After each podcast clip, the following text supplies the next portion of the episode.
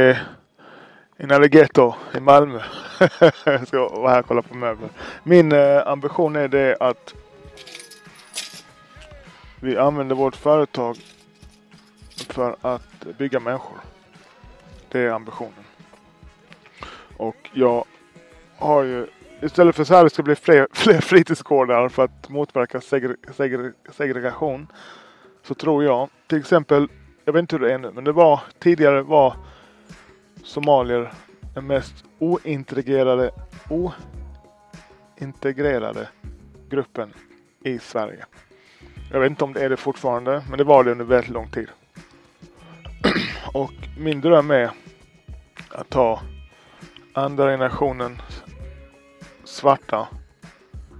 Inte bara, men alltså folk blir kränkta när jag, när jag säger svarta. Vad jag då? Jag är grek eller vit eller whatever. Du också, men ja, jag bara pratar från hjärtat. Svarta. Och eh, visar dem, eh, för, för, för, för det, det är svårare att få jobb som svart i Sverige. Jag kallar inte det för rasism. Jag kallar det för bara igenkänningsfaktor. Alltså, jag connectar bättre med en eh, mixad kille från Lund. Om jag träffar en kille från Lund, han är halvamerikan, eh, halvsvensk, upp, född och uppvuxen i Lund med, med, sina föräldrar, samma bakgrund exakt. Ja, det är klart jag connectar hårt med den personen. Det känns nästan som familj direkt. Så det är lättare för en när, när, någon, när, när, man, när man tar emot ansökningar som svensk, ett, svensk, ett företag som ägs och styrs av svenskar så connectar de bättre med Kalle Jönsson än med Abdi ja, Shakur. Så eh, och för mig är det enklare att connecta med Abdi än Kalle Jönsson. Det är inte för att jag är rasist mot Kalle Jönsson, mot vita. Så, men du får kalla det vad du vill. Jag kallar inte det rasism. Eh, jag håller mig långt borta från det ordet så långt jag kan. Men eftersom det är svårare så finns det. Jag fick det från en man som heter Kevin Samuels. Han är död nu. Rest in peace. Han, han pratade om eh, irländarna i USA. De, hade, de, de var ju diskriminerade då, jag vet inte vilket år, 30-talet säger väl, fan, jag bara hittar på nu. Men de, de gick in i polisen och italienarna gick in i brandkåren. Jag tror det var så, det kan vara tvärtom. Det spelar ingen roll. Och jag önskar att vi svarta, vi tar säljbranschen. First hired, last fired. Där spelar det ingen roll, där bryr de sig inte. Eh, hudfärg, namn, ingenting. Utan där ska du leverera. Och alla får en chans. Och lär dig då leverera. Du är den viktigaste personen i företaget. En, en, en, säljare. Du står för 100% av intäkterna. Och det, det, så, och det behöver inte vara de här tråkiga branscherna. Eller jag ska inte säga tråkiga branscher. Jag, jag tar tillbaka det. Men det kan vara vilken jävla bransch som helst. Eh, fastighetsbranschen, aktiemäklare, eh, försäkringar, el, telefon, vad du än vill. Business to business, business to consumer, whatever man. Så vi, jag och min bror, och vårt team. Vi håller på att bli experter på en strategi som heter eh, Straight Line Sales. Det är han eh, Jordan Belfort från Wolf of Wall Street som har utvecklat den strategin. Vi håller på att bli experter. Vi översätter den helt till svenska. Så vi har, jag kommer göra mycket content om detta. Jag ska försöka inspirera de som känner att de kommit in på arbetsmarknaden eller något liknande att, att gå in i sälj. Sälj är fantastiskt. Alltså, du, du, sälj är ju kommunikation. En målorienterad kommunikation. Så blir du duktig på det, vilket värde du får i samhället. Så det, det svåra med sälj, det är början. För det är, det är en ångestfylld resa i början. För du ska bli van med att folk säger nej till dig. Folk slänger på luren.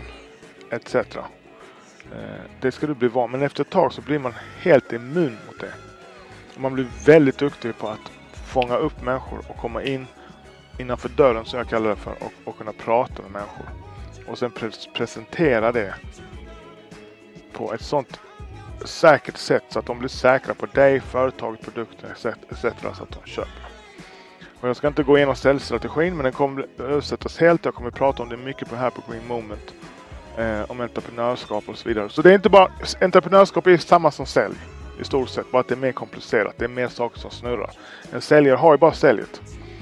Men i entreprenörskap så finns det en sak som du måste ha för att kunna lyckas som entreprenör och det är sälj. Sen ska du ha koll på bokföring och hela den här biten också. Men allt annat kan du outsourca, men du måste sälja. Kunder, till anställda, till leverantörer, till myndigheter etc. Du måste kunna kommunicera ditt budskap på ett bra sätt. Inte trilla ihop när någon säger nej, utan du måste bli tuff på insidan. Så eh, alla de här, typ som jag hade en podd med Mahar, Turki, No to Crimes, Big Up. Då pratade vi om den här 15-åringen som gick in på Emporia och sköt 12 skott i bröstet på en, en, en annan assassin. Bokstavligt talat. Eh, en, en, en av Malmös tungviktare inom den undre världen. Att göra det. Han är 100% säljentreprenörs eh, vet du, material. Han har saker i sig som man inte kan lära ut. Utan det kommer, jag vet inte, alltså det kommer från, jag vet inte hur jag ska uttrycka mig men du måste varit med om saker i livet Tror jag. Alltså det underlättar. Det, det, det, behöver inte vara så. Men det underlättar. Så att gå in och göra det, även om man har käkat piller och fan vet jag. Det är riktiga... Du, du har en kraft i dig. Så den är helt felinriktad. Du är helt sjuk. Du träffat dessutom en kvinna som är på att dö. Du kunde inte gjort det någon annanstans.